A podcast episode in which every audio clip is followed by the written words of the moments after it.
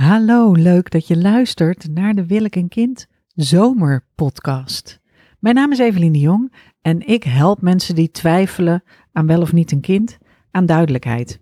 En in deze zomerpodcast behandel ik hele korte onderwerpen over de kinderwens uh, op een uh, lichtvoetige manier zoals je van me gewend bent.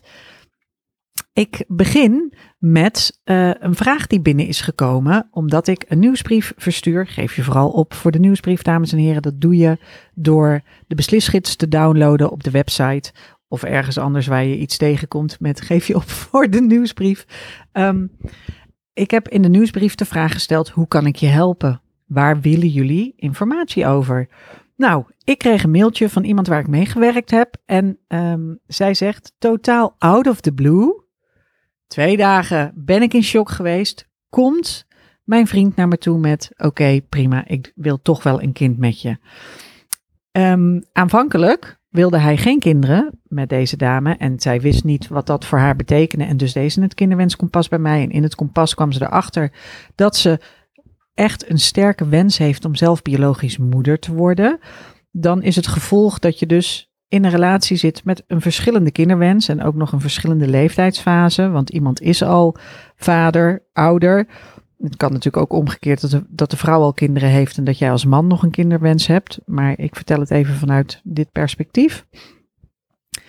En um, dat je dus binnen je relatie gaat kijken, oké, wat ga ik dan doen met mijn kinderwens en wat betekent dat um, welke rol gaat hij daarin vervullen? Ik heb hier meer podcasts over, over opgenomen en die heten dan Jij wil wel, hij niet. Zo'n soort titel. Nou, in dit geval is het dus zo dat zij achter die kinderwens is gekomen. Aanvankelijk zei haar vriend: Nee, ik wil echt geen kinderen meer. Maar vrij snel is hij toch van gedachten veranderd en heeft hij gezegd: Oké, ik wil je wel helpen, maar ik wil geen actieve vaderrol vervullen. En ik wil niet verantwoordelijk zijn voor de dagelijkse zorg. En dat is oké. Dat mag je, je, je mag iemand willen helpen, zijn kinderwensen vervullen en zeggen: Ik heb al kinderen opgevoed, ik heb die babyfase al gedaan, ik heb de dagelijkse zorg al gedaan, naar school brengen, al dat soort dingen. Ik wil dat niet nog een keer herhalen in mijn leven. Maar als jij zaad van mij wil en je wil zelf solomoeder zijn, terwijl ik nog wel in je leven ben, maar niet een vader ben, dan wil ik je daarmee wel helpen. Nou, dat is dus een donor plus constructie, maar dan anders. Het is je vriend als donor vragen. Dat is eigenlijk je vriend als donor vragen en dat past helemaal in geen enkel vakje. Um, ik heb meer mensen begeleid die in deze situatie zaten. En waarbij ook de man aanvankelijk zei: nee, ik, ik ga niet die kant op. En dat is een proces. En dat is soms een proces dat kan een jaar duren. Uh, of een half jaar. Maar ik denk dat je in die termijnen moet denken. Dus als je zelf heel veel haast hebt, dan weet ik niet of dat je daar tijd voor hebt. En het is ook een, een uh, uh, proces bij de man in kwestie zelf, hij moet dat aan willen gaan, hij moet daar tijd voor hebben, hij moet daarover na kunnen denken. En dat is ook niet altijd het geval. Nou, deze dame stelt een aantal uh, vragen. Ik wil graag een podcast over de ervaringen van dames in soortgelijke situatie of gewoon een overzicht met praktische dingen. Wat doe je bijvoorbeeld als je samen een kind hebt, maar je partner niet bij jou in huis woont? Wat betekent dat voor de praktische zorg? Dat is vraag 1. Twee is, hoe zorg je voor een sociaal netwerk? Waar moet je allemaal nog meer aan denken behalve opvang voor tijdens werkdagen? Welke achternaam krijgt het kind? Hoe word je gezien wanneer je wel een partner hebt, maar niet samenwonend bent? Heb je dan recht op alleenstaand oudertoeslagen en dergelijke? Moet de partner wel of niet erkennen? Wat zijn de gevolgen? Dat is dus een juridische vraag, dus ik ga voorzichtig zijn met het antwoord, want ik ben geen jurist. Ik ben een cultuurwetenschapper. Eigenlijk zegt ze, ik zou dus een beter beeld willen hebben bij zaken waar je tegenaan gaat lopen wanneer je in een romantische relatie ziet, je partner wel de biologische vader is, er staat hier de donor is en tussen haakjes meer dan dat, maar geen actieve vaderrol op zich wil nemen. Nou, ik ga beginnen met dat dit de eerste keer dat ik van deze constructie hoorde, was toen ik een vrouw leerde kennen die dit deed. En uh, zij deed dit samen met haar vriend. Zij zijn een heel leuk stel. Hij was wat ouder en hij had al kinderen gehad en hij was gescheiden. Daarna was hij haar tegengekomen. Zij hadden samen iets gekregen. Zij had een kinderwens en zij ging uiteindelijk naar België om daar haar kinderwens te vervullen. En zij waren gewoon nog samen omdat hij zei: Nee, ik wil niet nog een keer opnieuw vader worden. En ehm, ze is naar België geweest, weet ik ook. En toen kwam ze terug en daar was ze best verdrietig over. En toen hij zag hoe verdrietig zij was, toen zei hij: Oké, ik wil je wel helpen met het zaad, maar ik wil echt niet opnieuw in de luiers. En uh, wat ze toen hebben afgesproken is sowieso om niet samen te wonen. Dus om uh, uh, ieder zijn eigen huis te blijven houden. En uh, op het moment dat ik hen leerde kennen en bij hen over de vloer kwam, was dat kind al ouder. En woonden ze wel samen, omdat grappig genoeg zijn eigen kinderen, die hij daarvoor had, ze zijn allemaal zijn eigen kinderen, maar zijn kinderen die daarvoor met zijn ex had gekregen, die waren inmiddels volwassen en zijn dochter kreeg een kind. Dus hij werd opa en zijn eigen kind was een jaar of tien bij die vrouw. Ik zeg steeds eigen kind, dat moet ik helemaal niet zeggen. Oké, eh, kan ik namen verzinnen? Uh, Pietje. dus het kind van deze vrouw, hè, dus dat, dat, dat mijn vriendin met haar partner kreeg, heet Pietje. En zijn andere, de, de kinderen die hij had bij zijn ex, die noem ik even Truusje. ik ben niet, ik zit blijkbaar heel erg nog in het verleden. Pietje en Truusje. Dus Truusje kreeg een kind, waardoor de vader in kwestie opa werd. En tegelijkertijd was hij ook nog een vader van Pietje. En um, ze woonden los van elkaar en dat is altijd goed gegaan. Dus ze hadden eigenlijk een intentioneel co-ouderschap uh, co-ouderschapsconstructie en over de, wat dat in de praktijk betekent op die vragen die mij gesteld werden. Daar geef ik zo antwoord op. Ik vertel eerst het verhaal. Um, ze hadden die intentioneel co-ouderschapsconstructie. Dus hij had zijn eigen huis, kon die lekker um, muziek maken, kon die lekker uh, aan zijn bedrijf werken en al zijn creativiteit kwijt. En uh, hij was ook echt een vader voor het kind, maar op zijn eigen voorwaarden. Dus zij was mijn vriendin was in de praktijk solomoeder van Pietje. Ze, deed, ze regelde zelf alles. Het kind woonde bij haar in huis. Zij deed alles. En de vader was op een structurele, liefdevolle manier in dat leven, maar niet eh, zoals wij kijken naar vaders van oh en die moeten dan aan de bak en we moeten de zorg gelijk verdelen en dat soort dingen, dat allemaal niet. Maar toen Truusje een kind kreeg en de vader opa werd, toen uh, heeft hij zijn eigen huis afgestaan aan Truusje en haar vriend en zijn kleinkind. En is hij toch ingetrokken bij mijn vriendin. Uh, en, en woonde dus ineens Pietje wel met de vader en moeder samen. Met uh, zijn vader en moeder samen. Nou, het wordt allemaal heel ingewikkeld. Dus dit was de eerste keer dat ik dit zag. En ik denk dat inmiddels Pietje inmiddels al wel echt Piet is. En die zal al klaar zijn met de middelbare school. Ik denk dat hij ergens studeert. En dat hij misschien ook al wel uit huis is.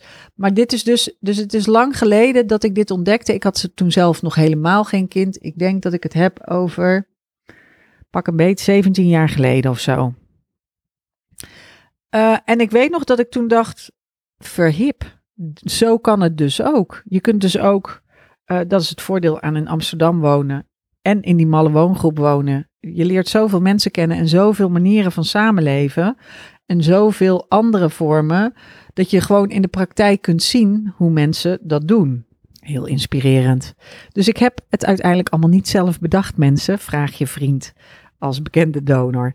Um, nou, als je samen, ik ga nu naar de vragen van de dame van de mail. Als je samen een kind hebt, maar je partner niet bij jou in huis woont, wat betekent dat dan voor de praktische zorg? Ik zou het zo duidelijk mogelijk maken en ik zou zeggen: ik word solomoeder. En dat betekent voor de praktische zorg dat jij alles regelt. Dit klinkt niet geheel geëmancipeerd, maar dat is het wel. Het ontslaat je ook van dingen moeten overleggen. Het zorgt dat er geen valse verwachtingen zijn. En voor de praktische zorg, eh, wat ik ook zou doen, is ehm, misschien toch werken. De wet is net veranderd. Als je nu je kind erkent, krijg je automatisch ook gezag. En ik denk dat die juridische constructie, dus als je het gezag hebt van de ouder, dan moet je kijken of dat het ook invloed heeft economisch. Want dat betekent misschien dat je, als iemand ook het gezag heeft, heeft hij ook de verplichting om te betalen voor het kind. Uh, uh, dus dat kan zijn als jij de enige bent die ervoor zorgt dat jij de toeslagen krijgt, maar dat, dat, dat de vader in kwestie verplicht wordt om uh, alimentatie te betalen. En dus vroeger kon je erkennen zonder dat je het gezag had. Sinds 1 januari 2023 kan dat niet meer. Dus als je erkent, dan krijg je automatisch ook het gezag. Als ik me niet vergis, want ik ben dus geen jurist, maar dit is wat ik onthouden heb uit mijn podcast die ik samen met een jurist had. Door het zo heel helder voor jezelf te stellen, kun je ook allerlei dingen regelen. Daar gaan we dadelijk nog eh, wat dieper op in. Maar voor de praktische zorg zou ik er dus van uitgaan. Ik zou boeken lezen over singlemoederschap. Ik zou boeken lezen over bewust alleenstaand moederschap, over bammer zijn, bewust alleenstaande moeder zijn, um, over um, alles wat je te regelen uh, hebt. En dat is hoe ik het met mijn vriend ook heb gedaan. Dus mijn vriend en ik latten nog steeds. En we hebben samen onze dochter. Maar we wonen niet samen en wij hebben een huishouden helemaal los van elkaar. En sommige mensen zeggen dat dat opportunistisch is, of weet ik veel, egoïstisch of whatever. Sommige mensen hebben heel veel meningen over heel veel dingen. Ik vind het. Het, is, het kan een goed idee zijn om niet samen te wonen en wel samen een kind te hebben. Je kunt kiezen uit meerdere opties. Dus je kan zeggen van ik wil wel dat hij het kind erkent en ook gezag heeft, bijvoorbeeld als mij iets overkomt. En dan zou je eventueel ook voor zijn achternaam kunnen kiezen. Want de achternaam van welke achternaam krijgt het kind? Ik zou denken, jouw achternaam. Uh, ik weet niet of je kan niet zomaar een willekeurige andere achternaam nemen. Dus um, en voor de praktische zorg ga ervan uit dat je het alleen doet. En verwacht van hem niks, zodat alles wat hij doet mooi meegenomen is. En ik wil niet terug naar de jaren 50, maar hierin moet je niet proberen een gelijkwaardige relatie te gaan krijgen als hij instapt als romantische donor. Het is al ingewikkeld genoeg maar ik denk dat het meest duidelijk is als je zelf zegt: Ik ben solomoeder, ik regel alles, ook financieel. Ik blijf helemaal autonoom op mezelf. En dat je voor hem regelt dat je liefdespartner dus op papier de bekende donor is. Er zit een verschil tussen donor en verwekker. Dus als je, via, als je van je romantische vriend een kind krijgt, dan maak je dat meestal fysiek. Tenzij je, net zoals uh, ik, lichte eileiders hebt, dan moet je toch een IVF-traject anders aangaan. Maar anders is het natuurlijk lekker tijd voor sappige seks. Maar uh, sappige seks betekent dat je vriend niet de donor is, maar de verwekker. Dus daar moet je ook een oplossing voor bedenken. Of in ieder geval van tevoren bedenken hoe je daarmee om wil gaan. Dus vraag 1. Wat betekent het voor de praktische zorg? Ik zou zeggen voor de praktische zorg, ik ben degene die alles doet. Ik ben degene die alles regelt. Ik ben degene die een kinderkamer heeft, die de kleren koopt, die alles, gewoon alles doet. De tweede vraag was: hoe zorg je voor een sociaal netwerk? Waar moet je nog meer allemaal aan denken, behalve opvang voor tijdens werkdagen? Wat heel belangrijk is, is dat je niet alleen opvang tijdens werkdagen wil. Je wil ook opvang tijdens de me-time dagen in, op een later stadium. Dus als je vier dagen werkt, is het handig om vijf dagen opvang te hebben. Als je drie dagen werkt, is het handig om vier dagen opvang te hebben. Het is sowieso handig om een dag voor jezelf te hebben. En dat iemand je kind opvangt en dat jij iets voor jezelf kan doen. En dan mag je helemaal zelf weten wat dat is. Ehm, maar dit is iets, dus eigenlijk zou ik dit benaderen als een solomoeder. Hoe zorg je voor een sociaal netwerk? Nou, dat begint al als je zwanger bent. Dan ga je naar een pufklasje en dan kom je mensen tegen. Um, uiteindelijk via de opvang kun je soms een sociaal netwerk opbouwen. Het is sowieso handig om eens te kijken bij de schutting over de buren. Alsof ik, eh, ik er is hier iemand vroeg laatst naar een tuin. Ik zit in Amsterdam, er is helemaal geen tuin. Um, dus ik kan ook niet over de schutting kijken. Maar dat je in de buurt, als er een kind komt, wordt je wereld heel veel kleiner als er een kind komt, wordt je wereld heel veel kleiner. En dan is het handig om mensen in de buurt te hebben waar je op kan terugvallen.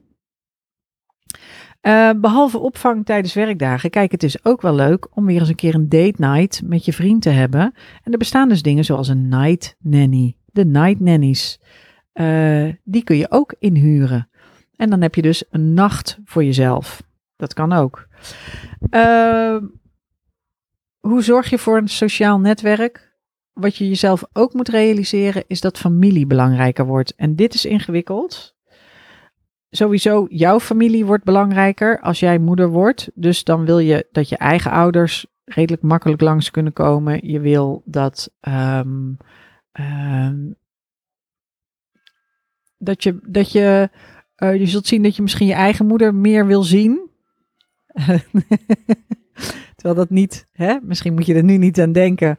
Maar als je eenmaal een baby hebt, is het toch prettig en ineens realiseer je, oh ja, dit heeft mijn moeder voor mij ook allemaal gedaan. Uh, dus het is prettig als je, als het kan, als je een huis hebt waar ook je ouders kunnen logeren. Of waar, dus dat je niet alleen, de baby kan makkelijker bij jou op de kamer en een logeerkamer. En dan kan je ook dat als de baby slaapt, misschien nog wat dingen heen en weer rijden. Maar dat zijn een beetje dingen waar je aan kunt denken. En ik zou niet te ver vooruit denken. Eerst maar zwanger worden daarin. En uh, wel op tijd die opvang uh, aanvragen. En dus niet alleen voor de werkdagen, maar ook zorgen dat je misschien wil familie wel opvang, opvang helpen. Hè? Dus dat je ouders een dagje komen. En het zou prettig zijn dat jij dan op een ander dagje ook even vrij hebt. Um, Welke achternaam krijgt het kind? Daar moeten jullie het samen over hebben. En ik weet niet wat de juridische implicaties van, het, van een achternaam zijn. Als iemand het weet, dan mag hij me mailen. Um, maar dat is iets wat even uitgezocht moet worden. Hoe word je gezien wanneer je wel een partner hebt, maar niet samenwonend bent? Heb je dan recht op alleenstaande oudertoeslagen en, en dergelijke? Dat hangt ervan af of dat je geregistreerd partnerschap hebt.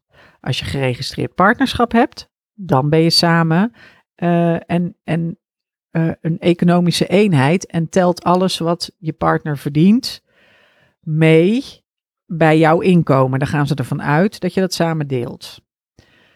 Mijn advies zou zijn om te blijven latten en ook op papier los van elkaar te blijven, zodat jij daar helemaal autonoom in bent.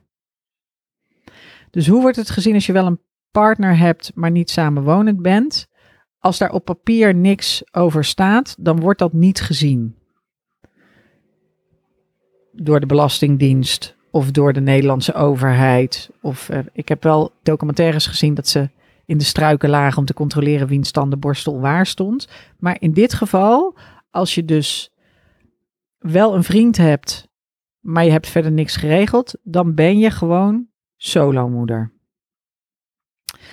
Uh, het wel of niet erkennen, de gevolgen zijn dus groot. Want als je partner erkent, dat is de, de laatste vraag, als je, de partner, als je partner erkent, dan krijgt hij ouderlijk gezag.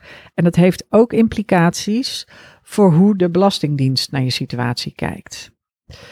En waar je ook aan moet denken is, omdat je partner al kinderen heeft, is het belangrijk wanneer wordt hem wat verteld en wat wordt hem verteld. En wat betekent het bijvoorbeeld voor de erfenis dat klinkt als heel ver weg, maar dit zijn dingen die zorgen voor strijd en, en, en, en um, uh, uh, uh, juridische gevechten.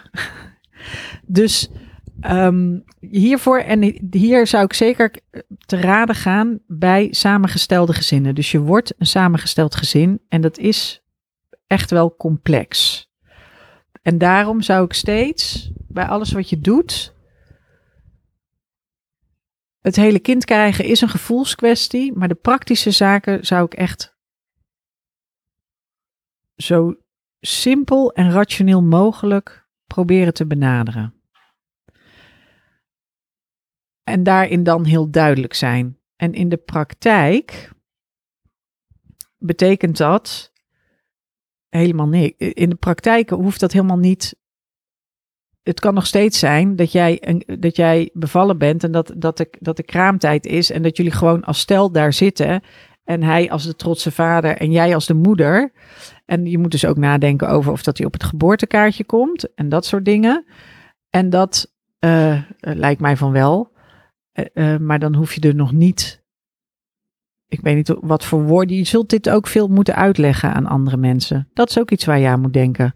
Dat is nog een aanvullende tip. Denk van te, bedenk samen wat je tegen andere mensen wil zeggen. In eerste instantie zou ik voor deze, uh, voor deze constructie, hè, als je uit de shock bent, zijn die donor plus constructies, daar lijkt dit toch een beetje op. Ook al is het gevoelsmatig anders. Maar ik zou naar de donor plus constructies kijken, ook juridisch kijken, omdat uiteindelijk is dat, kun je zoiets het beste gebruiken als vertrekpunt. En dan zegt dat niet per se iets over hoe je het in de praktijk wil oplossen. En misschien dat hij het later toch weer wel wil erkennen. Dat kan, hè? Of dat je zegt: nee, maar ik wil graag samen een economische eenheid zijn. En ik wil graag dat het zijn achternaam krijgt. En, um, en hij wil wel ouderlijk gezag en wel erkennen. Hij wil alleen op een dagelijkse basis er niet mee bezig zijn. Wat interessant is, is om, is om eens een lijstje te maken van wat weet ik wel, wat weet ik niet. Zie de vorige podcast. En uh, luister de vorige podcast. En wat ook interessant is, is om hier eens een, uh, een mindmap over te maken. Nou, voor iedereen die een romantische donor gevonden heeft, heel veel plezier en een zinderende zomer toegewenst. Tot de volgende podcast.